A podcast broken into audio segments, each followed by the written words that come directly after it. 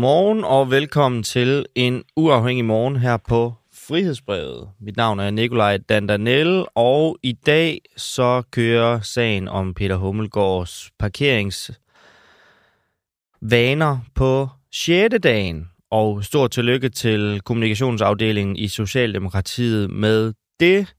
Vi skal have både øh, tobaksindustrien og cheflæge på Aalborg Universitetshospital til at øh, opklare for os en, øh, hvad skal man sige, mindre splid, de har om, hvorvidt at der er evidens for at sige, at e-cigaretter er mindre skadelige end almindelige cigaretter. Men det allerførste, vi skal hive fat i, det er Ahmed Samsam. Mister man sin retsbeskyttelse, hvis man har været agent for PET? I går der var justitsminister Peter Hummelgaard fra Socialdemokratiet kaldt i et lukket samråd i Folketinget om Ahmed Samsam. Inden, samråd, inden samrådet sagde enhedslistens retsordfører Rosa Lund til Danmarks Radio, at sagen om Ahmed Samsam viser, at det er et problem, at man ikke har retsbeskyttelse som mulig kilde for PET, når man er i udlandet. Peter Velblund, gruppeformand i Enhedslisten, godmorgen. Godmorgen. Øh, Peter Hummelgaard, han har gentagende gange sagt, at han ikke kan udtale sig om sagen, fordi han har insisteret på, at der skal være fortrolighed om efterretningstjenesternes arbejde. På det lukkede øh, samråd var det de samme argumenter, I blev mødt med der? Det var det. Altså, det var jo netop et, et, øh, et lukket samråd, fordi det så skulle kunne give mulighed for, at både justits- og forsvarsministeren øh, kunne udtale sig, fordi øh, der jo netop ikke er, er, er offentlighed der, og at, øh, og der er også grænser for, hvad man kan sige efter øh, samrådet, øh, når det er et lukket samråd. Men øh, altså, det vil jeg sige, det, det havde jo ikke gjort en stor forskel, om det var, om det var lukket eller åbent samråd, fordi øh, altså, ministerne sagde ikke noget. Altså, jeg synes jo sådan set, det er kendetegnet, at Østers nok er øh, præget af større åbenhed, end, end de to ministre var øh, i den sag her. Og, og det synes jeg bare er bekymrende, fordi øh, det er jo en, en, en temmelig alvorlig sag, som jo ikke kun handler om Samsam, men øh, mere som Samsam som, som eksponent for, hvordan øh, forholdene er i, i, øh, i retsstaten Danmark. Øh, altså, hvordan kan man sikre sig, at myndigheder vil øh, beskytte borgere imod, at der kan begås et muligt øh, justitsmord. Så det er ikke sådan, at vi kan sige i dag, at du nu ved noget, som du ikke vidste før, som på en eller anden måde kan retfærdiggøre øh, regeringens øh, adfærd over for Ahmed Samsam? Nej, det synes jeg på ingen måde. Altså, og, og jeg synes jo netop det, vi også forsøgte at få, få ministeren til at svare på, det var det, som, øh, som jeg også tidligere øh, departementchefer har, har rejst spørgsmål om, altså Michael Lund og, og Carsten Dybvad, om, øh, altså, om man ikke kunne lave en undersøgelse, som så også samtidig kunne beskytte øh, efterretningstjenestens integritet. Altså, mm. øh, de har jo netop rejst kritikken af, at, øh, at den her sag, den er så alvorlig, så den bør øh, kunne undersøges. Og når der er et hensyn at tage til, at efterretningstjenesterne også skal, skal kunne lave deres arbejde, ja, så kunne man jo gøre det, øh, så, så man tilrettelægger en undersøgelse, så, så øh, dele af undersøgelsen foregår i, øh, i fortrolighed, mm. men, men at man så i hvert fald får undersøgt forløbet. Fik du noget som helst at vide i går, som du ikke vidste før? Altså noget som helst? Nej, altså det, øh, det, det var i hvert fald øh, det var meget begrænset, hvad der kom øh, af ny viden, og i hvert fald ikke, øh, ikke nogen substantiel øh, viden, som, som grundlæggende betyder, at vi har fået svar på de centrale spørgsmål i den her sag. Men øh, det siger du så, at, at det er bekymrende, hvad skal man sige, at øh, den lukkethed også fortsætter ind i det lukkede samråd. Men spørgsmålet er vel egentlig også, om man kan stole på jer, fordi hele, alle de her sager omkring, øh, hvad der foregår i efterretningstjenesterne, de foregår jo hovedsageligt på læk. Og hvad skal man sige, når det kommer til læk, så er politikere jo ikke nogen øh, hellig franse. Altså fordi, at øh, der kommer jo også ting ud derfra. Kan man godt stole på jer øh, politikere fra hver jeres ender af fløjen og give jer de her informationer her?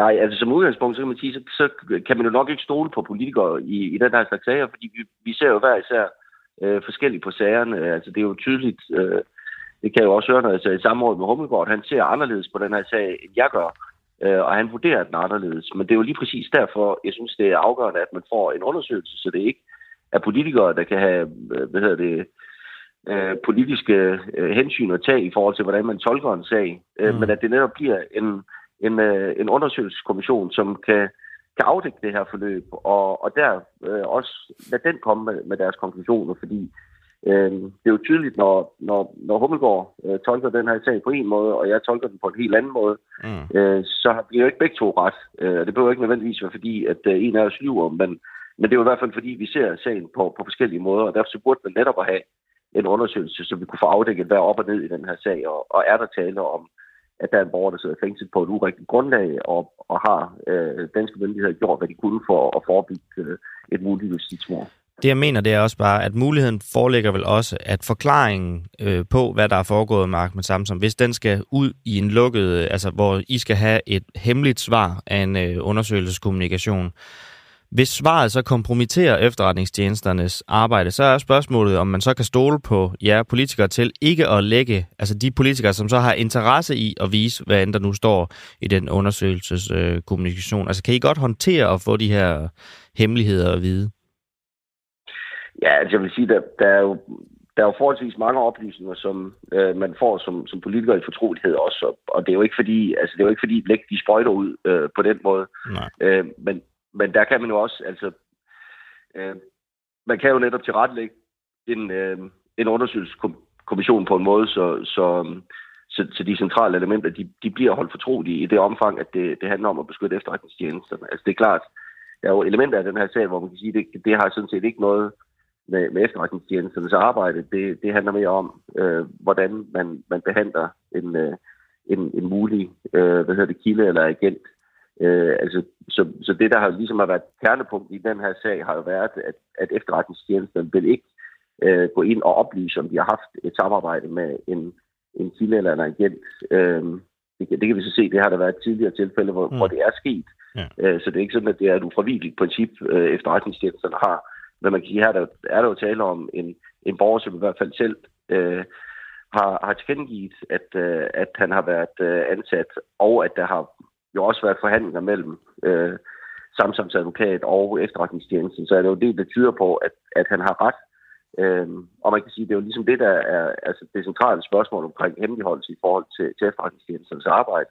At, at, hvad, der så, hvad myndighederne så har gjort i forhold til det, vil jo være, mere være noget, som, som så man vil kunne forholde sig til i, øh, i åbenhed.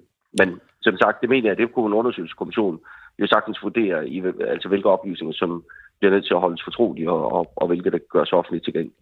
Nu lykkes jeg ikke med at få nogle informationer på den her måde. Hvad bliver næste træk i håbet om at, at finde ud af, hvad der er op og ned i den her sag?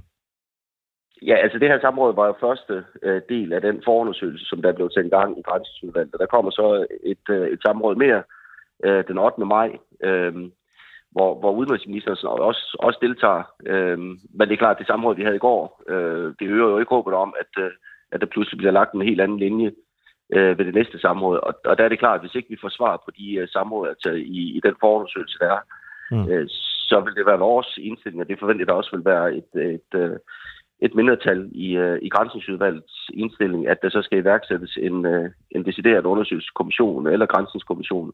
Uh, og det kan vi så stille forslag om, som så efterfølgende skal behandles i Folketingssalen. Så, så jeg forventer, at det er det, der bliver det, bliver det næste skridt. Peter Velblom, gruppeformand i Enhedslisten. Tak for det. Selv tak.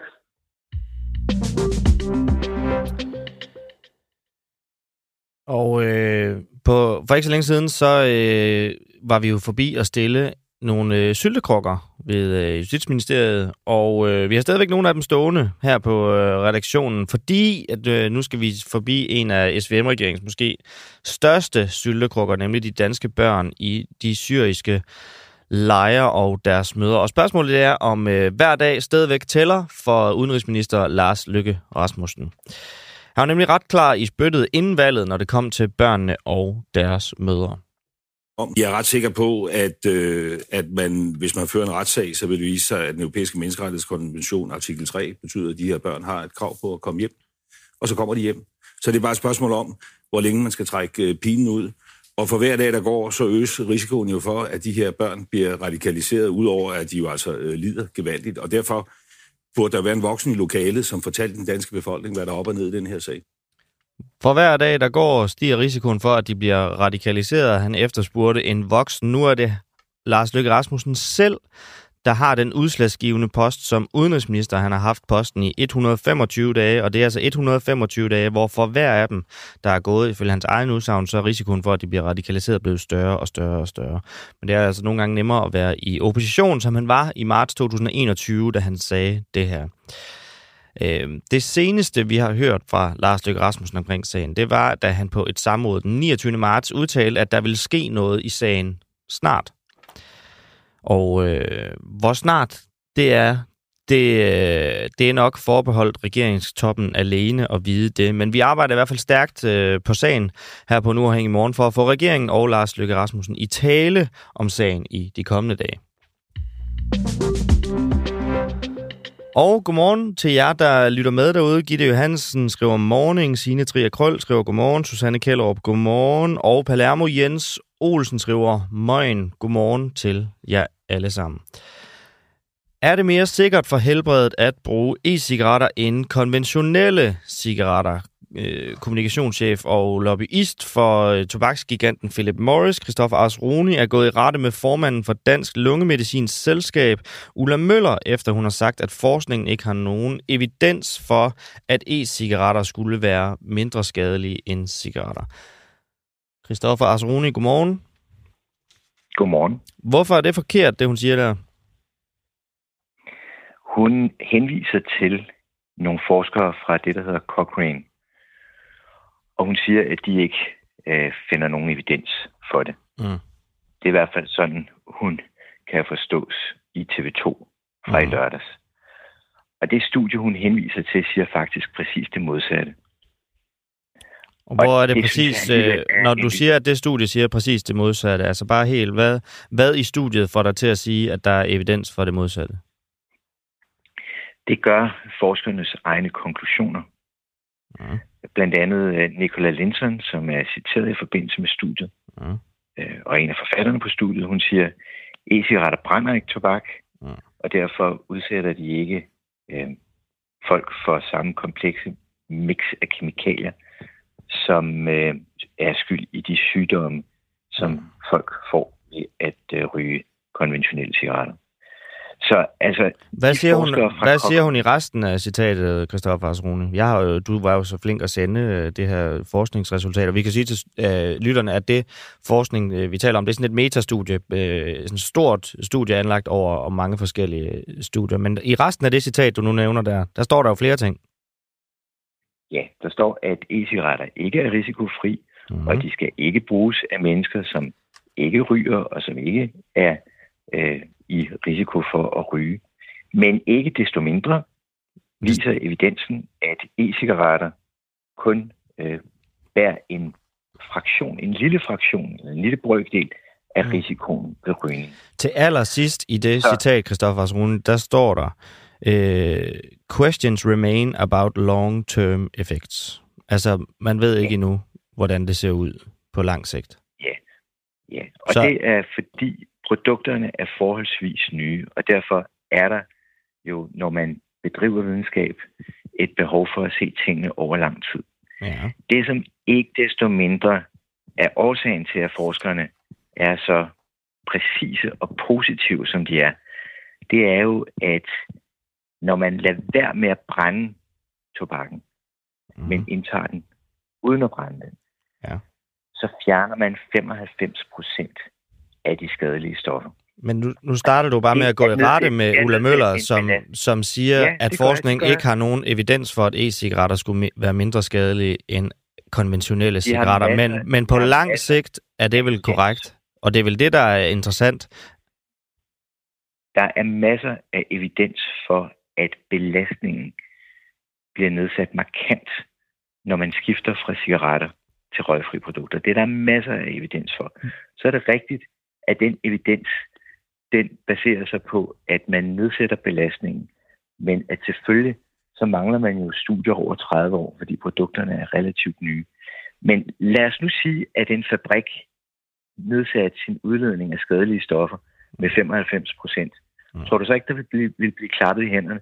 Eller hvis man nedsatte reduktionen af CO2 med 95 procent, tror du så ikke, der ville blive klappet i hænderne? Jeg siger bare, altså, at nu, nu var du, du var jo ude, altså du var jo ude med riven efter Ulla Møller for det her citat her, at ja, der ikke skulle være evidens for, at e-cigaretter skulle være mindre skadelige end cigaretter. Og så henviser du til et citat fra, et, øh, fra en stor forskningspublicering, men i bunden af det øh, citat, som du henviser til, der nævner du så ikke det citat, at langtidseffekterne er der mange spørgsmål omkring endnu. Og der er, kan du pege på altså en, et enkelt evidens på, på langtidseffekter, som peger på, at hun tager fejl? Jeg har lige citeret, hvad forskeren sagde. Hun sagde, however, evidence shows that nicotine e-cigarettes carry only a small fraction of the risk of smoking. Altså evidensen viser, at nikotin e-cigaretter bærer kun en lille brøkdel mm. af den risiko, der er ved at ryge. Det er, hvad forskeren selv siger. Mm. Og så siger hun så, ja, øh, der er et mindre antal studier, og øh, man må også se på øh, brugen øh, på lang sigt, mm. men hun bruger begrebet evidens mm. om, at e-cigaretter kun har en mindre brøkdel af den risiko, der er ved at ryge. Så når hun bruger evidens, så bruger hun det på den måde, at hun illustrerer, at det er et mindre skadeligt valg at vælge e-cigaretter end at vælge cigaretter. Selvfølgelig. Hvis vi nu skal tage helt præcist, hvad det er, hun siger, fordi, fordi du, du trækker en, øh, en, en direkte kobling imellem, at der skulle være mindre risiko, men det, der, det, det hun siger, uh, they do not expose users to the same complex mix of chemicals that cause uh, diseases in people smoking. Men det betyder jo ikke, at når vi kigger på langtidseffekterne, at der ikke kan vise sig at være andre ting i e-cigaretterne, som er, viser sig at være lige så skadelige som de, det mix af altså, kemikalier, som er i konventionelle cigaretter? Det, det, der er fællestrækket ved cigaretter og e-cigaretter, det er, at der er nikotin i dem. Og nikotin er ikke noget sundhedsprodukt. Og nikotin er ikke noget, man skal bruge. Altså, det, jeg bruger det ikke selv. Mm. Sagen er bare ganske enkel. For nogle mennesker står valget mellem at mm. anvende cigaretter og anvende e-cigaretter. Mm. Og for de mennesker, der burde valget være soleklart. Drop cigaretterne. I det hele taget burde man droppe cigaretterne. Men hvis man gerne vil have tobak og nikotin, eller bare nikotin, så er e-cigaretter et meget mindre belastende valg mm. end en cigaret. Og Men... igen, jeg vil gerne gentage det for en god undskyld. Mm-hmm. Ingen begynder at anvende tobaks- og nikotinprodukter børn og unge skal holdes helt væk fra tobaks- og nikotinprodukter. Mm. Men for en voksen ryger, der er valget meget lige til. Men du svarer, du, du svarer ikke på helt på, på, på det her med, at når hun siger, at der ikke er evidens for, at de er mindre skadelige end konventionelle cigaretter, du så fremhæver det her citat her. Når man så kigger på langtidseffekter, så kunne det jo være, at der var andre ting end, de her, end det her mix af kemikalier, som gjorde, at e-cigaretterne bliver mere skadelige over tid. Man kan jo også se øh, på nogle af de korte studier her, at, øh, og det står også i det her studie her, at de psykiske øh, bivirkninger ved at bruge e-cigaretter, de er også ret væsentlige og oppe i samme liga som de konventionelle cigaretter. Så det kunne jo være, at der var andre ting... I, mm, men det kunne jo være, at der over sigt viste sig at være andre ting i e-cigaretterne stadigvæk. Og det hun bare siger, det er, at der ikke er evidens endnu for at sige, at de er mindre skadelige end konventionelle cigaretter. Og når det kommer til langtidseffekterne, så har vi stadigvæk til gode, at du så peger på noget konkret, der modbeviser det. Det, man kan sige med sikkerhed, det er, at man udsætter sin organisme for langt, langt færre skadelige kemikalier mm. ved at skifte fra cigaretter til e-cigaretter, eller til andre røgfri produkter for den sags skyld. Du kan kalde det en form for kontrolleret, øh, en, en kontrolleret proces. Altså, enten brænder du noget, eller også brænder du det ikke. Og du ved, at når du brænder noget, så udvikler det skadelige kemikalier. Så bare det at holde op med at brænde det, er et kæmpe skridt i den rigtige retning. Og det er det, argumenterne bygger på, og det er det, der er årsagen til, at man i Storbritannien og i New Zealand, som er nogle af de lande, hvor man regulerer tobak og nikotin allerhårdest, der går myndighederne decideret ud og laver kampagner for at få rygerne til at skifte fra cigaretter til e-cigaretter. Øh, I Danmark, der øh, stikker øh, myndighederne og også en hel del læger, de stikker hovedet i busken. Øh, jeg forstår i og for sig godt, at Hvordan de stikker de hovedet i busken? De stikker hovedet i busken, fordi de lader som om, at, at cigaretter og røgfri produkter, det er et fedt. Det, det er i praksis det, de gør. Det hun jo bare siger her, det er, at der ikke endnu er evidens for at sige, at de er mindre skadelige end konventionelle hvis cigaretter. Fortælle, hvis hun vil fortælle hele billedet ærligt og redeligt, så vil hun sørge for også at nævne, at forskernes hovedkonklusion er, at det er en fornuftig ting at skifte fra cigaretter til e-cigaretter, hvis man ikke holder helt op. Ja. Det, det, det vil være den redelige måde at gøre det på. Christoffer Asruni, External Affairs Manager hos øh, Philip Morris. Øh, jeg tror på dansk, vi vil sige kommunikationschef og lobbyist. Men øh, i hvert fald, uanset, tusind tak, fordi du var med. Ja, tak lige måde.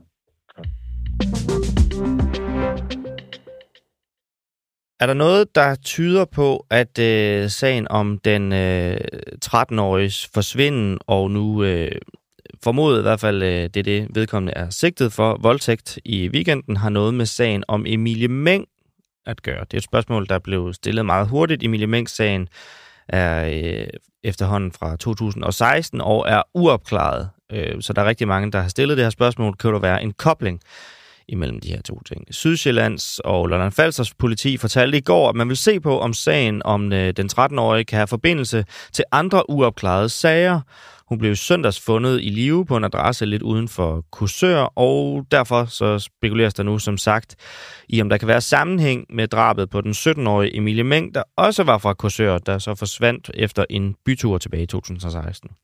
Og som vi skal høre her, så øh, øh, har politiet allerede været i kontakt med Emilie Mengs mors bistandsadvokat, og øh, hende talte jeg med i går. Hun hedder Majbrit Storm Thysen det er klart, at når man hører, at der er en, øh, en ung pige, der er blevet fjernet på gaden ved en bortførelse eller en kidnapning, så kan det jo ikke gøre andet, end at man får tanke på en millimentssagen. Og, øhm, og fordi det var præcis det samme, der skete, og når det så også er i det samme geografiske område, jamen så øh, øh, øh synes jeg jo, at alle, øh, øh at alle alarmklokker ringer, og, og det er derfor, jeg er kommet med den opfordring til politiet, som jeg er.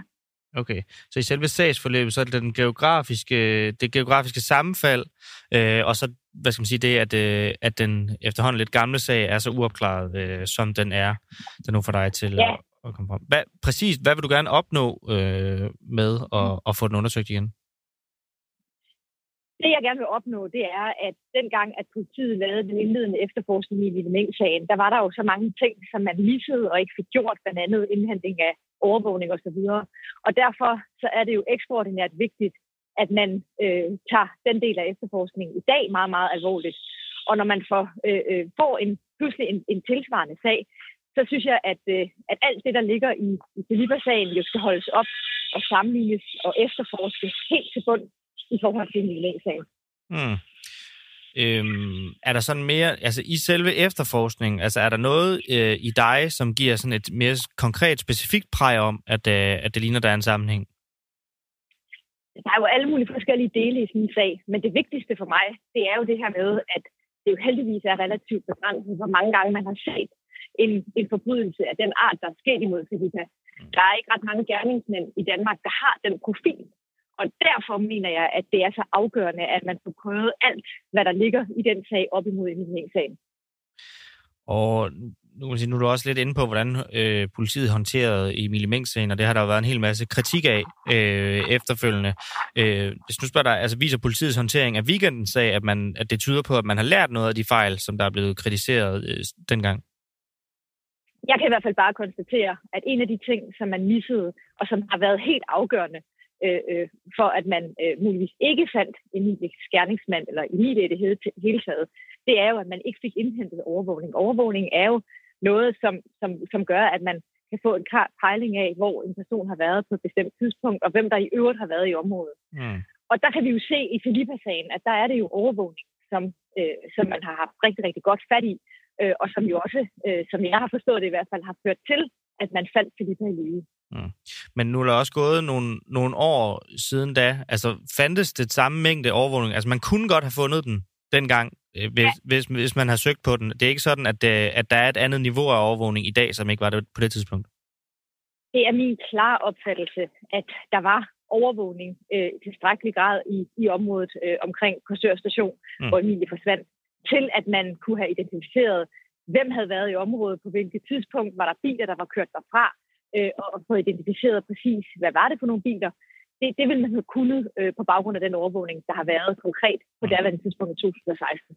Har du fået nogle tilkendegivelser af, af hvad skal man sige, nogle reaktioner, øh, som kunne lede i retning af, øh, hvad din opfordring ligesom bliver brugt til? Altså, jeg, jeg kan sige, at politiet har rettet henvendelse til mig og sagt, at de selvfølgelig nok skal følge opfordringen og, og, og undersøge og, og, og lave en, en yderligere efterforskning på Emilie-sagen. Alright. Majbrit Storm, Thysen, tusind tak, fordi du havde tid til at være med.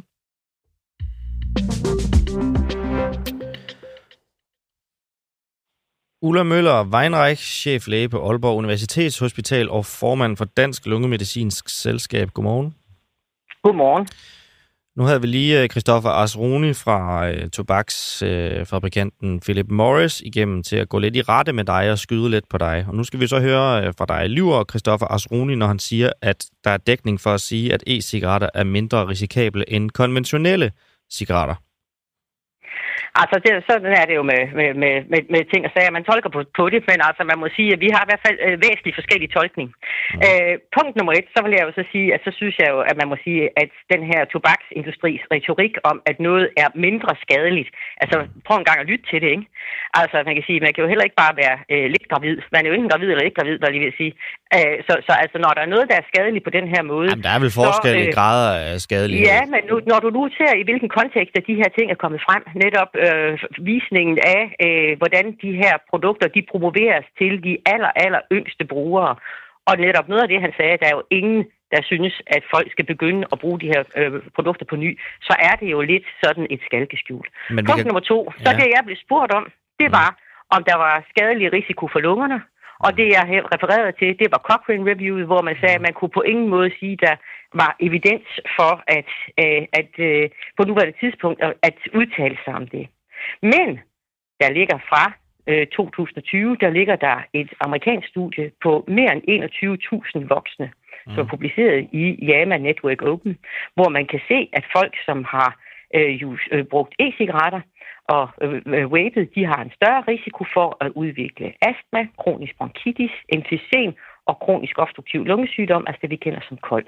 Mm. Og det er altså, når man har korrigeret for det hele. Så på den måde, så synes jeg jo, at man kan sige, at øh, nu, nu var det så det, jeg greb til interviewet. Det Cochrane Review og sige, at der ikke er evidens for på nuværende tidspunkt at udtale sig om det her. Men mm, altså, det her kunne jeg også du siger, og, du siger, og vi har, altså, vi har et stillbillede af, nu kan jeg ikke vise det til lytterne her, du siger, at der Nej. ikke er evidens for at sige, at e-cigaretter er mindre skadelige end konventionelle Nej. cigaretter. Men det er også korrekt. Øh, fordi at det, man kan sige, det og er... hvor, at, hvor øh, I... Øh, må jeg ikke bare lige spørge, fordi nu fremhæver du et ja. andet studie, hvor der er 21.000. Det er jo ikke sådan, at det her Cochrane-studie øh, er, er et lille studie. Der er 22.000 øh, mennesker ja. med i det også, så det er også et stort, øh, stort ja, studie. Hvor i det studie er det, at du finder øh, den evidens? I Cochrane-studiet. Mm. Jamen det, det jo netop de udtaler sig om, det er jo, at der er, øh, øh, der er de psykiske bivirkninger, der er, øh, hvad hedder det, også øh, øh, lille evidens for, men den er jo heller ikke, den kan vi heller ikke helt nå at få endnu på den tid, mm. folk har været eksponeret for e-cigaretter, at der muligvis er en øget risiko for øh, hjertekarsygdom, men det kan man på nuværende tidspunkt heller ikke sige, der er evidens for, fordi der ligger så få studier. Lungesygdomme, de kommer på et øh, senere tidspunkt, så derfor kan man altså ikke på nuværende tidspunkt udtale sig om, at der er mindre evidens for, at det er, øh, at der er evidens for, at det er mindre risikabelt at bruge e-cigaretter. Og det, som der står i, i studiet, og det, som Christoffer Asrune også fremhæver, det er fra en af forskerne fra Cochrane-studiet, der hedder Nicola Linson, der udtaler, e-cigaretter brænder ikke tobak, og derfor udsætter de ikke brugerne for det samme komplekse mix af kemikalier, der forårsager sygdomme i folk, som ryger konventionelle cigaretter. Det er vel et tegn på, at, øh, at der rent faktisk er, og det kan godt være, at det er lidt, men at der i hvert fald findes evidens for at sige, at det er mindre skadeligt end konventionelle cigaretter. Jamen, altså, man bruger, der er jo bare andre ting i de her, ikke? Altså, man kan sige, det, at man, man, øh, man skifter nogle kemikalier ud med andre kemikalier, det behøver jo ikke at betyde, at tingene de er mindre skadelige. Det er muligt, at sammensætningen er mindre kompleks, men vi har på nuværende tidspunkt intet, der fortæller os, at det her øh, at, at vape og bruge ikke opvarmet tobak, at det skal være mindre skadeligt på sigt. Det har vi ikke. Men man kan også sige, at øh, det, han, det Christoffer Asruni også øh, henviser en lille smule til, det er, at når I, I kan se de her ting med, at det, som normalt skader ved rygning, det er det her komplekse mix af alle mulige forskellige kemikalier, som er meget skadelige i almindelige cigaretter. Øh, når de er fraværende, altså, og de første her, det tyder på, som de også siger her, at det er der ikke i e-cigaretterne. Altså virker det så ikke logisk for dig, at de rent faktisk vil vise sig at være mindre skadelige end almindelige cigaretter? Nej, på ingen måde. Øh, det, kan, det kan man bestemt ikke sige. Altså, det man kan sige, det er, at øh, når man kigger på, nu er jeg jo lunge, lungernes øh, formand, var jeg lige ved at sige, ja. øh, lungemedicinernes ja. formand, og derfor er det selvfølgelig lungerne, jeg tager mit udgangspunkt i. Mm. Og man kan sige, at det, der hører til i lungerne, det er frisk luft. Og det, der er ved, det er, at øh, den øh, lungeeksponering, øh, som, øh, som, øh, som, som vi ser skade af, den tager lang tid. Den tager meget lang tid. Før den kommer øh, skaderne på hjerte og kar, og øh, tidligt i forløbet kommer skaderne på psyken, særligt når at man begynder at bruge de her præparater så meget ung, hvilket alle reklamekampagner jo lægger an til, at, at man, man vil have folk til. Mm. Så på den måde, så kan man sige, så er de bare i et kontinuum, hvor vi endnu ikke, og det sagde jeg, lyttede jo med, øh, mm. øh, da du interviewede tidligere, og, og det, som den gode herre jo også må sige, det er jo, at man kan sige, at vi har jo ikke brugt de her præparater 30 år endnu. Nej, det har vi ikke, men vi har trods alt brugt dem langt nok tid til nu, at vi i det her store JAMA-studie kan se, at der er en øget risiko for alle de irritationssygdomme, som vi kender fra at ryge konventionel tobak. Men det, der så også står i, i studiet her, nu er der et andet citat, det er fra en af de andre forskere, der hedder Jamie Hartman Boyce, der skriver, for første gang, så har vi fået øh, meget sikker evidens på, at e-cigaretter er meget mere effektive i at hjælpe folk med at stoppe med at ryge konventionelle cigaretter. Så der hentyder de vel også til, at det, at det er en positiv ting. Det vil de jo ikke hentyde til, hvis, øh, hvis de også regnede med, at skaderne altså var lige så store som med konventionelle cigaretter. Nej, der er også lavet studie på, at øh, man kan bruge snus til at, at få folk til at holde op med at, at, at ryge. Men det, der desværre jo er, det er, at man ser desværre, at rigtig, rigtig mange af dem, som holder op med at ryge, øh, eller prøver at holde op med at ryge i forbindelse med e-cigaretter, de bliver altså bare hængende der. Mm. Øh, og, og, og, og der kan man sige, der har man i, i nu refererer I til England og New Zealand, hvor at, øh, at, øh, at øh, de her forskere også kommer fra, der har man øh, haft den her fortolkning af sagen. Det er faktisk ikke en opfattelse, som resten af verden egentlig deler med dem. De har været øh, i England og New Zealand meget pro det at bruge øh, e-cigaretter til rygeophør, men det er der altså faktisk ikke andre lande, som synes er en fantastisk god idé. Inklusiv os. Men også resten af Europa, og det er heller ikke noget, man gør i USA. Vi har et øh, lytterspørgsmål, Ulla Møller fra Henrik Glensbro, der spørger, er der også evidens for, at unge holder sig til e-cigaretter? Eller er der evidens for, at e-cigaretter fører til egentlig rygning? Altså det vi ved derom, det er, at der sidder en, der er en, en fransk rygeforsker, som har fulgt, øh, fulgt de, øh, de øh, parisiske unge i øh, ja, faktisk noget nær en menneskealder og set på deres øh, rygevaner. Og det han har også set, det er jo, øh, at øh, ligesom vi nu ser med puffbars herhjemme, mm. at øh, de franske unge, de starter meget, meget ungt med at bruge de her produkter, øh, ofte før 10-årsalderen, og øh, der, hvor han kan se dem komme til nu, det er jo så nu, at vi er ude på de der øh, godt en 10 år, det er jo også, at de begynder altså nu også at ryge konventionelle cigaretter. Alright. Ulla Møller Weinreich, cheflæge på Aalborg Universitetshospital og formand for Dansk Lungemedicins Selskab. Tak fordi du var med her til morgen. Jamen selv tak. Og nu har I hørt begge sider af, af sagen omkring det her kæmpe store studie her, og om selve påstanden om øh, e-cigaretter skulle være mindre skadelige end konventionelle cigaretter, så er I jo velkommen til at bedømme selv. Så skal vi have lidt, øh, lidt nyheder, fordi der er en, en stor afsløring på Danmarks Radio i dag, og vi havde jo øh, Danmarks Radios journalist Niels Fastrup igennem i går, og han varslede jo, at han kom med noget stort, og han kunne ikke sige, hvad det var. Og nu kan vi jo læse, hvad det er, og øh, jeg vil godt sige, at det skuffer ikke. Der er nemlig et russisk militærprogram, der ifølge efterretningstjenester i hele Norden og eksperter netop nu er i gang med at kortlægge havvindmølleparker, gasrørledninger og strøm- og internetkabler i farvandene omkring Danmark, Norge, Finland og Sverige. Og øh, der er en, øh, en øh, video inde i DR's øh, artikel lige nu, hvor man kan se, at... Øh, at nogle af journalisterne, de ligesom øh, møder det her skib her, hvor man kan se, hvordan at øh, russerne over på den anden side, de er bevæbnede. Øh, og det skaber en lidt intens øh, stemning, som man kan øh, gå ind og se. Øh, kortlægningen, der er i gang, den sker ved, at der er et stort antal af militære og civile skibe, som sejler rundt i de nordiske farvande, og simpelthen øh, afdækker, hvad der ligger på bunden af havet, og hvordan hele vores infrastruktur øh, hænger sammen.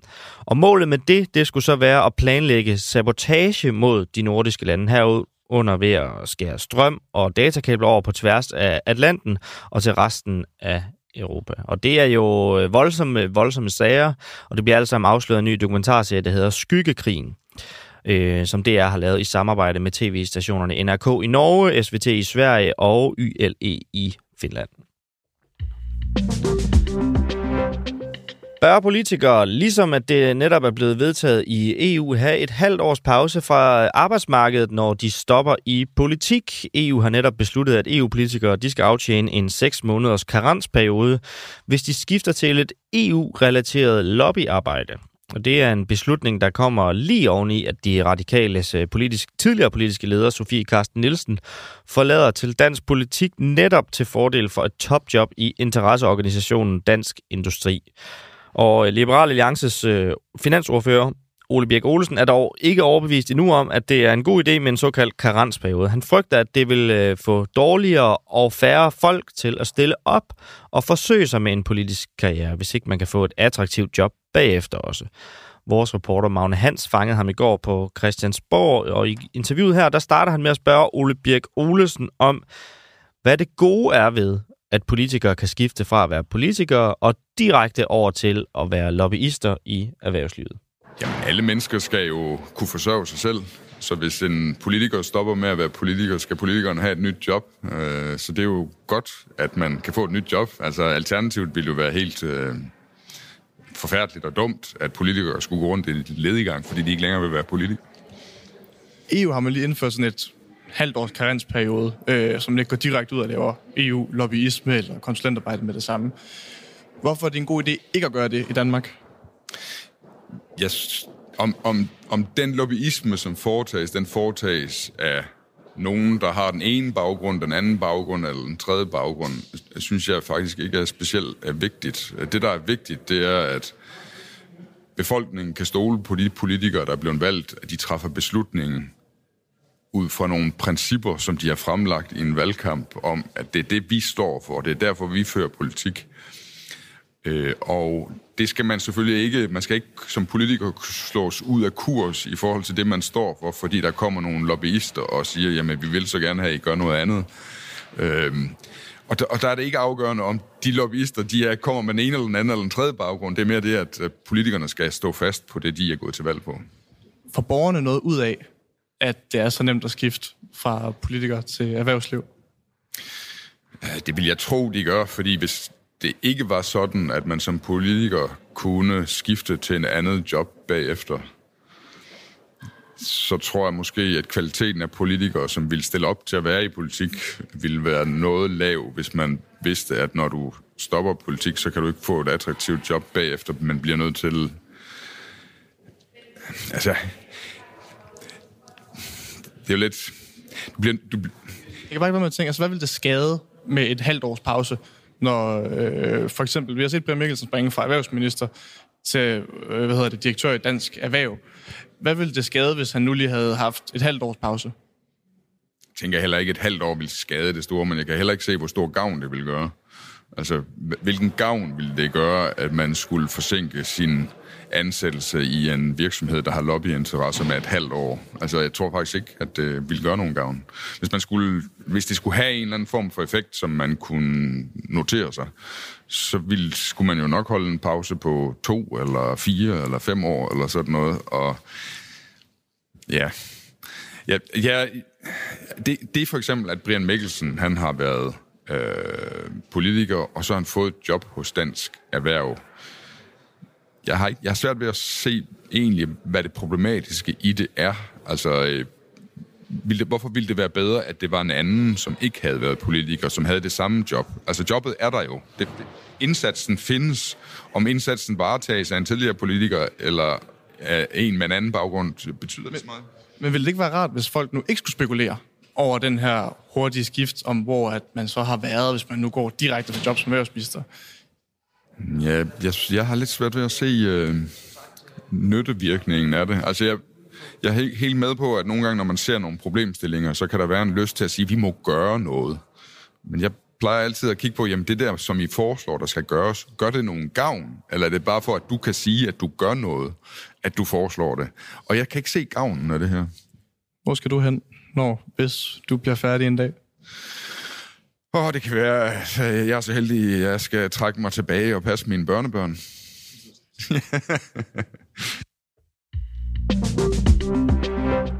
Lad os nu se, om øh, det bliver ved det for Ole Birk Olesen, som du her hørte fra Liberal Alliance i et interview med Magne Hans. Øh, et læk af amerikanske dokumenter viser, at Taiwans forsvar er yderst sårbar over for et øh, potentielt kinesisk angreb. Det meget omtalte læk af interne dokumenter fra det amerikanske forsvarsministerium inkluderer også øh, foruroligende informationer om Taiwan og landets øh, øh, forsvar. Og Taiwan, det er jo ligesom hele knudepunktet for, øh, hvad skal man sige, den øh, potentielle konflikt, der er ude i Sydøstasien mellem Vesten og Kina. Dokumenterne de indikerer, at amerikanske efterretninger så tvivl om, hvorvidt Taiwans luftforsvar vil være i stand til at opsnappe missilaffyringer i det hele taget. Og samtidig så rejser de også tvivl om, om man fra amerikansk side vil være i stand til at opdage en invasion i de tidlige stadier da Kina ifølge efterretningerne blandt andet bruger civile skibe til militære formål. Og så fra en vigtig historie til en anden, der er nemlig en stor samarbejdshistorie mellem TV2 og TV2 Cosmopol lige nu, og uh, de skriver. Sæson for efterladte unger, nu kan du blive plejemor for et æren, forstås. Det er nemlig sæson for efterladte æren unger i naturen, som bliver indleveret til vildplejestationer. Og derfor så søger øh, Væksø Vildplejestation i Egedal lige nu frivillige æren unge plejere, der kan opflaske og pleje de små eon på dyrenes præmisser. Så skulle du være interesseret i det, så er der altså hjælp at hente fra det store samarbejde mellem TV2 og TV2 Cosmopol. Vil det få politiske konsekvenser for justitsminister Peter Hummelgaard, at han brød loven? Øh, en bøde og en tur på forsiden af BT. Det er indtil videre de konsekvenser, det til synligheden har haft for Peter Hummelgaard, efter at BT i sidste uge kunne beskrive, at han fire ud af syv gange parkerede ulovligt, da han skulle aflevere sine børn. Og det er jo faktisk fire ud af syv ture til øh, institutionen, men det er kun de fem af gangene, han tog bilen. Så det er fire ud af af fem gange i bil, at han har smidt den øh, op og parkeret den ulovligt. Flere har så efterfølgende kritiseret ministeren for sin lidt lemfældige omgang med den lov, som han er ansvarlig for, mens BT's måde at afdække sagen er løbet med en lige så stor del af opmærksomheden. Og tilbage så står spørgsmålet så nu om lovbruddet her. Det vil få yderligere konsekvenser for Socialdemokratiets kronprins Peter Hummelgaard. Jens Rode, tidligere medlem af Folketinget og politisk kommentator, og også for nylig øh, genindmeldt i partiet Venstre. Godmorgen. Godmorgen. Vi kan lige tage et, øh, et oprids af, af Peter Hummelgaards øh, historik her. I oktober 2022, så afslørede frihedsbrevet, at Peter Hummelgaard sad i bestyrelsen for Stjernens Studiefond, mens selv samme fond og bestyrelse bevilgede ham et rentefrit studielån på 50.000 kroner. Det var derfor et øh, ulovligt lån, erkendte Stjernens Studiefond, og Hummelgaard var inhabil. Da den nye regering så blev præsenteret tilbage i 2022, der blev Hummelgaard også øh, set køre rundt uden sele to gange på den samme dag. Og der udtaler han, og det er lidt i samme stil som det, han siger nu, det er en klar fejl fra min side, at jeg på den travle dag i går glemte at tage sikkerhedssele på. Og den sidste ting, jeg skal nok lade være med at, at bare læse øh, eksempler op i al uendelighed, men 10. september 2020 under corona, der blæste Peter Hummelgaard og Anne Halsbo Jørgensen, som jo også er minister, på de gældende coronaregler, da de i det kongelige teater fjernede afspærringerne, så de kunne sidde sammen, hvilket jo ellers ikke var forbeholdt almindelige mennesker. Øhm, Jens Rode, hvor mange yderligere lovbrud skal Peter Hummelgaard begå, før hans ministertaburet direkte er i fare? det er det samme spørgsmål, jeg altid får af fodboldspillere, når jeg dømmer fodboldkampe. Hvor mange frispark skal han have lov til at lave? Mm. Og så er mit svar altid, at øh, det står ikke i fodboldloven, hvor mange frispark at øh, du må lave, og hvor mange du ikke må lave, før du får en advarsel eller et rødt kort. Mm. Men det er klart, at, øh, og det gør det jo heller ikke her i politik, men det er klart, at øh, der skal nok ikke komme... Øh, forløbig er vi jo der, hvor vi vel formentlig alle sammen godt kan genkende os selv i noget af det, vi gør i dagligdagen. Problemet for Peter Hummelgaard er, at han er justitsminister, og problemet for ham er, øh, at han laver det, man kalder en deflektion. Altså han forsøger at få det til at handle om noget andet og mm. forsvare sig med, at han har travlt. Ja, det er der sagt med også mange andre mennesker, der har. Det... Og der skal, nok ikke, der, der, der, der skal nok ikke komme ret mange flere af den slags, før at det bliver opfattet som det vil sige, lidt et mønster hos ministeren, ja. at der er en arrogance over for loven og mm. de regler, alle vi andre skal indrette os under. Og, øh, men er problemet... Nu siger hvis, du... Han ikke, hvis han ikke foretager sig yderligere, her, her sagt, ja. så tror jeg ikke, så tror jeg, det er forbigående, og så tror jeg ikke, at det har yderligere konsekvenser. Men nu siger du, at problemet for ham, det er, at hans øh, justitsminister, men er problemet i virkeligheden ikke den deflektion, du, du nævner her, at han både, altså fordi så er han se, blevet set øh, køre uden sele, og der har han travlt. Så bliver han set øh, parkere ulovligt fire ud af fem gange på, øh, på en uge, og så siger han, at det er fordi, at øh, han skal kompensere for, at hans børn ikke ser sig så meget. Så den deflektion, altså det tegner lidt billedet af en minister, der føler sig hævet over visse dele, i hvert fald, af lovgivningen. Gør det ikke det? Det er jo en skærpende omstændighed, at han er justitsminister. Øh, og øh, du kan jo ikke øh, gå ud og så sige, at øh, jeg skal kompensere for, at mine børn ikke ser mig så meget, fordi så har han jo overhovedet ikke en opfattelse øh, af den virkelighed, som øh, langt de fleste mennesker, de arbejder under, og i øvrigt også øh, måske endnu vanskeligere vilkår øh, at arbejde under, end man har som minister. Mm. Alt den stund, at der er nogle mennesker, der er meget bundet til meget faste tidspunkter, og har en meget stresset morgen, og skal virkelig tidligere afsted med deres børn. Øh, de kan jo, hvis vi har en justitsminister her i landet, som siger, at loven den er vejledende for mig, fordi jeg har travlt, og mine børn ikke ser mig så meget, så kan øh, stort set resten af befolkningen jo med rette gå ud og så sige, at de også er nødt til at kompensere for, at deres børn ikke ser dem så meget, og at loven derfor, når den er for justitsministeren kun vejledende, at så er den det selvfølgelig også for øh, alle os andre. Men det, her... det, vi bare skal passe på med i den diskussion, det er jo at gøre os selv mere katolske, end paven selv er, fordi det er jo en situation, vi alle sammen kan se os selv i. Og øh, jeg, jeg, jeg kender også godt til den der situation, Jamen, Jens, hvor man lige bøjer et eller andet. Men mm. det dur bare ikke, at man efterfølgende går ud og argumenterer for, at det må man godt, slet ikke som justitsminister. Men nu, når du siger, at alle kan se sig i den her, og det er jo ikke fordi, at det er verdens største forbrydelse at parkere ulovligt, men den måde, det ligesom sker på, altså fire gange på altså på fem afleveringer, og det er nogle gange på busholdeplads, altså på parkeringer, som er forbeholdt for, at der kan være en bus. Så det vil sige, at hvis den kommer, mens Peter Hummelgaards øh, bil er der, så må den jo være ude på vejen, altså til gene for alle andre trafikanter, og altså også potentielt i forhold til trafiksikkerhed og sådan noget der.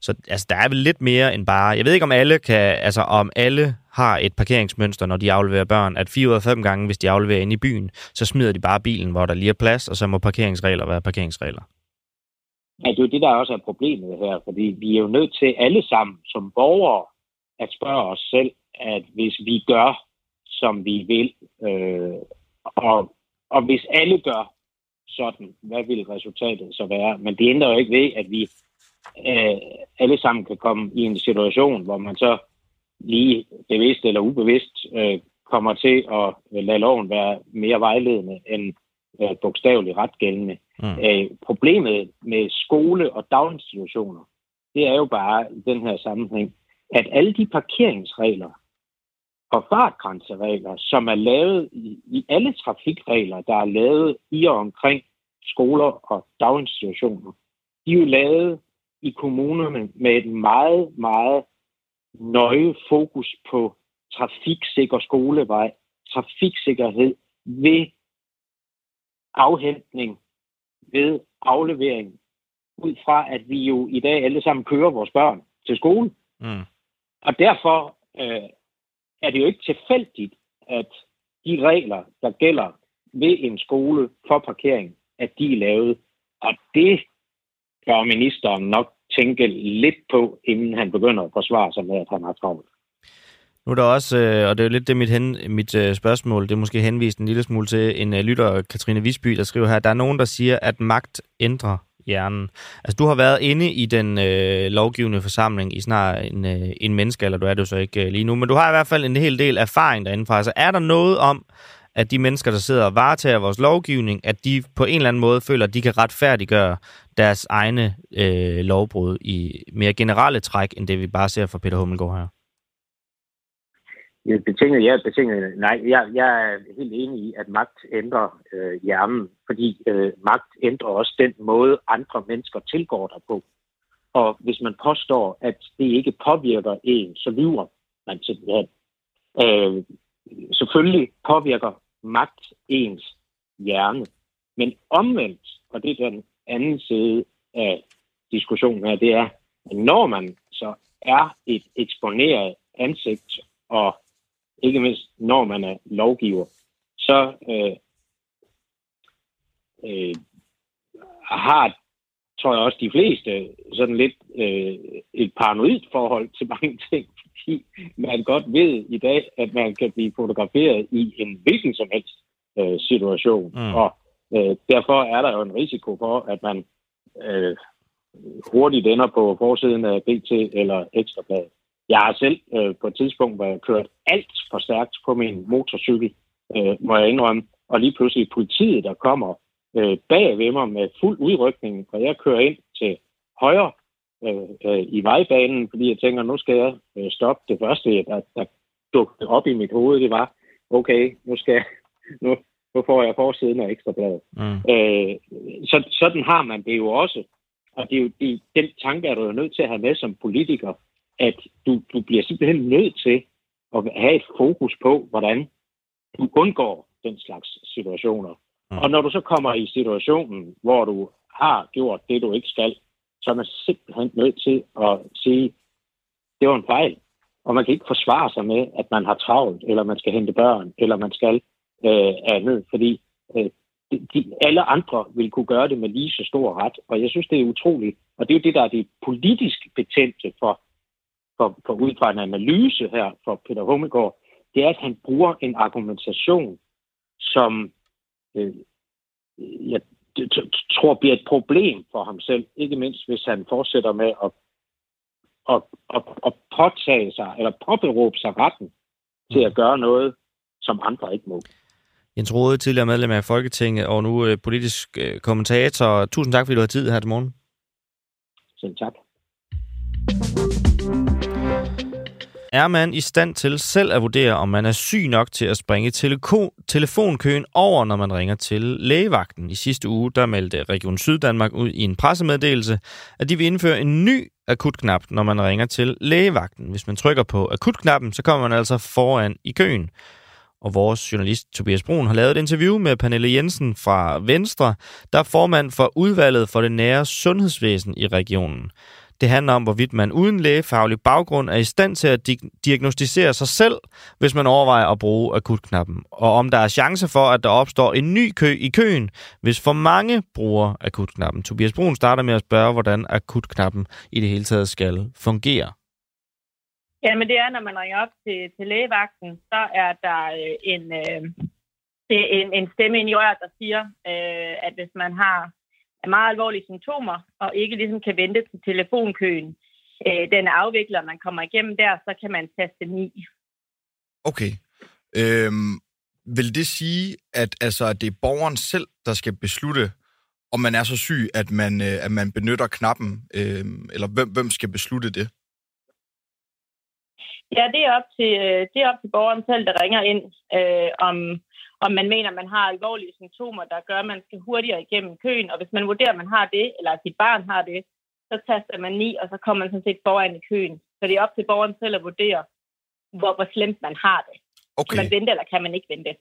Men hvilke kvalifikationer har man som almindelig borger for at kunne diagnostisere sig selv i sådan et tilfælde? Jamen, jeg tænker godt, man kan, man kan vurdere det selv. Altså, om hvis der er en telefonkø, der siger, at du skal vente 10 minutter, kan man vente i 10 minutter, eller føler man, at man har behov for at snakke med en læge hurtigere end 10 minutter? Det tror jeg godt, at de, øh, altså rigtig mange borgere selv kan vurdere. Øh, hvor slemt har man det i virkeligheden? Okay. Vi forventer ikke, at der bliver misbrug af den her knap, øh, på samme måde som man jo heller ikke ringer efter en ambulance, hvis man ikke har behov for det. Men det her det er jo så ikke øh, helt en, øh, en ambulance, men derimod altså en knap, hvor man øh, på sin vis kan, kan springe over køen.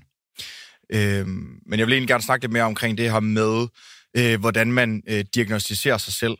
Øh, jeg kan forstå på pressemeddelelsen fra Region Syddanmark, at det er alvorlige symptomer, man skal have øh, for ligesom at, at taste på, på knappen 9. Kan du sætte nogle ord på, hvad er alvorlige symptomer helt konkret i, i den her øh, sammenhæng? Hvis du har nogle øh, eksempler på det. Jamen altså, hvis man, øh, altså, det er jo lidt en mellemting, kan man sige, mellem at, at stå i den almindelige telefonkø til lægevagten, øh, og så ringe efter en ambulance. Øh, og det er derfor, jeg også nævner øh, det med, at man også behandler selvfølgelig det at ringe efter en ambulance med respekt, og derfor forventer vi selvfølgelig også, at folk behandler øh, den her tast 9-funktion med respekt og samvittighedsfuldt. Øh, fordi man er jo nødt til selv at, at, at, at mærke efter. Kan man vente de 10 minutter, lad os bare sige, at der er 10 minutters øh, ventetid, på at komme igennem og snakke med lægen, eller har man sådan set brug for hurtigere øh, at komme igennem og snakke med en læge? Og hvis man føler, at man har det, øh, så er det, at man skal bruge knappen og taste 9. Så det er egentlig lidt en mellemting mellem det, vi kender i dag, når man ringer op til lægevagten, og så, øh, og så ringer efter en ambulance i virkeligheden. Mm. Men kan du ikke hjælpe mig og, og borgerne lidt med at komme med nogle konkrete eksempler på, hvad alvorlige symptomer er? Altså nu er jeg jo ikke læge, så jeg vil jo ikke sidde og vurdere, øh, hvad, hvad for en sygdom, der skal til for, at man taster ni. Øh, vi har fuld tiltro til, at det kan, at det kan borgeren selv vurdere. Øh, om man har det så dårligt, at man skal taste ni, eller ens barn har det så dårligt, at man skal taste ni. Og vi frygter ikke, at, øh, at den her knap bliver misbrugt. Okay, men du har det ikke vi også se nogen som helst andre regioner, eksempler. der har indført en akut knap. Mm. Ja, altså de, de andre regioner, der indfører den her akutknap, øh, Øh, de har heller ikke oplevet øh, misbrug af knappen. Det er ganske, ganske få tilfælde, øh, hvor man har trykket på, på akutknappen øh, og ikke har haft behov for det. Ellers så behandler øh, folk den med, med respekt og samvittighedsfuldt, og det forventer vi også, at det samme billede, vi kommer til at se i Region Syddanmark. Mm. Men jeg skyder da egentlig heller ikke i skoene, at, at det her det kommer til at, øh, at blive, blive misbrugt. Øh, jeg tænker mere, at det, det kunne være rart for borgerne at vide, i hvilke tilfælde de skal, de skal trykke på knappen. Og der siger du så, at det kan man selv vurdere. Men igen, altså, hvad er alvorlige symptomer? Øh, har du ikke et eksempel fra øh, en af de andre regioner, hvor man, øh, hvor man har gjort det her på, hvad alvorlige symptomer kan, kan være? Jamen det er jo, hvis man er, hvis man er bange for, at man øh, Øh, får det så dårligt, at man måske falder om, for eksempel. Altså, så kan man jo, øh, så kan man jo tage ni. Øhm, men det er jo svært, for, det er jo svært at sidde og sige, øh, hvad der skal til, for at du skal tage snit. Det er jo også en tryghed, at man kan komme til at snakke med en læge øh, hurtigere, end hvis man skal sidde og vente i den almindelige telefonkø. Og vi har jo haft eksempler på, at den telefonkø har været øh, lidt lang, øh, hvor folk er blevet utrygge, mens de har siddet og ventet. Og det skal man jo ikke blive. Og derfor er den her mulighed nu for at kunne tage sni, og så dermed komme hurtigere igennem køen. Okay, men i dag der fungerer det så også sådan, at man, man har øh, lægevagten, øh, og før man øh, havde den her tast øh, 9 knapper, og stadigvæk går jeg ud fra, skal man jo ringe 112, hvis det er livstruende. Øh, så hvor går grænsen for, øh, at de alvorlige symptomer ikke er så alvorlige, at man skal ringe 112? Ja, man skal jo stadigvæk ringe 112, hvis man, øh, altså hvis det er livstruende, og, og at man har brug for en ambulance. Øh, og så skal man jo ringe til lægevagten, hvis man har brug for en snak med en læge. Og derinde imellem øh, ligger TAS9-funktionen. Så hvis man ringer op til almindelig lægevagt og tænker, at man kan ikke vente 10 minutter i, i, i kø øh, hos lægevagten, hvis der er 10 minutters ventetid, så taster man 9. Okay, og det, kom du så med et eksempel det, på. Det, man kender i dag. Og... Ja, så, så hvis, man er ved, hvis man er ved at falde om, så skal man tages 9, men hvis det er livstruende, så skal man ringe 112. Er det korrekt forstået? man skal taste 9, hvis man føler, at øh, ens symptomer er så alvorlige, at man bliver bekymret og bange og urolig, mens man sidder og, og venter i telefonkøen, og ikke føler, at man kan vente til telefonkøen, den ligesom er afviklet, og man er kommet igennem den kø. Hvis man har den følelse, så skal man taste 9, så man kommer man hurtigere igennem og får hurtigere lov til at snakke med en læge. Okay, så det er helt op til en selv, hvornår man taster 9? At man det er op til en selv at vurdere, hvornår man skal taste 9, fordi det, det er jo kun en selv, der ved, hvordan man har det. Okay. Men hvordan så fungerer det så? Så øh... med en læge, så kan man jo selv skal finde ud af, hvor, hvor, hvor slemt er det. Mm. Okay. Men hvordan fungerer det så? Bliver man så afvist efter, at man trykker på den her akutknap, hvis ens henvendelse viser sig ikke at være akut nok, selvom man selv har vurderet, at, øh, at den var det? Ej, det tror jeg bestemt ikke. Vi har afvist nogen, der er kommet igennem køen, men så får man måske at vide, at næste gang behøver man ikke at trykke 9. Mm. Men jeg tænker nemlig, hvis nu der er mange, øh, som, som du også kom ind på tidligere, som, som taster 9, øh, og som måske ikke har de helt store behov for at taste 9, hvad vil I så gøre i tilfælde, at der opstår en ny kø på den her akutlinje, fordi der er øh, for mange, der har akut behov for hjælp? Altså, der er jo nogle servicemål, man skal leve op til, øh, eller som lægevagten skal leve op til, øh, i forhold til at, at, at også afvikle den kø på øh, akutknappen. Øh, og der skal, de, der skal 95 procent af, af de telefonopkald være taget inden for to minutter. Øh, og, og det er jo nogle servicemål, vi kommer til at følge løbende. Hvad gør I, hvis, hvis I ikke kan leve op til de servicemål? Hvad, hvad, hvad, hvad sætter man så i værk? Og det må, og det er jo det, vi skal kigge på i løbet, når vi får statistikkerne over, hvordan, hvordan, øh, hvordan bliver der levet op til servicemålene. Øh, jeg forventer ikke, at det her det bliver et, øh, et, et problem. Jeg tror, man kommer til at behandle den akutknap med, med respekt og samvittighedsfuldt, som vi kan se i de andre regioner. Øh, men, men selvfølgelig så følger vi jo op på, om servicemålene bliver, bliver efterlevet eller ej. Det, det er klart.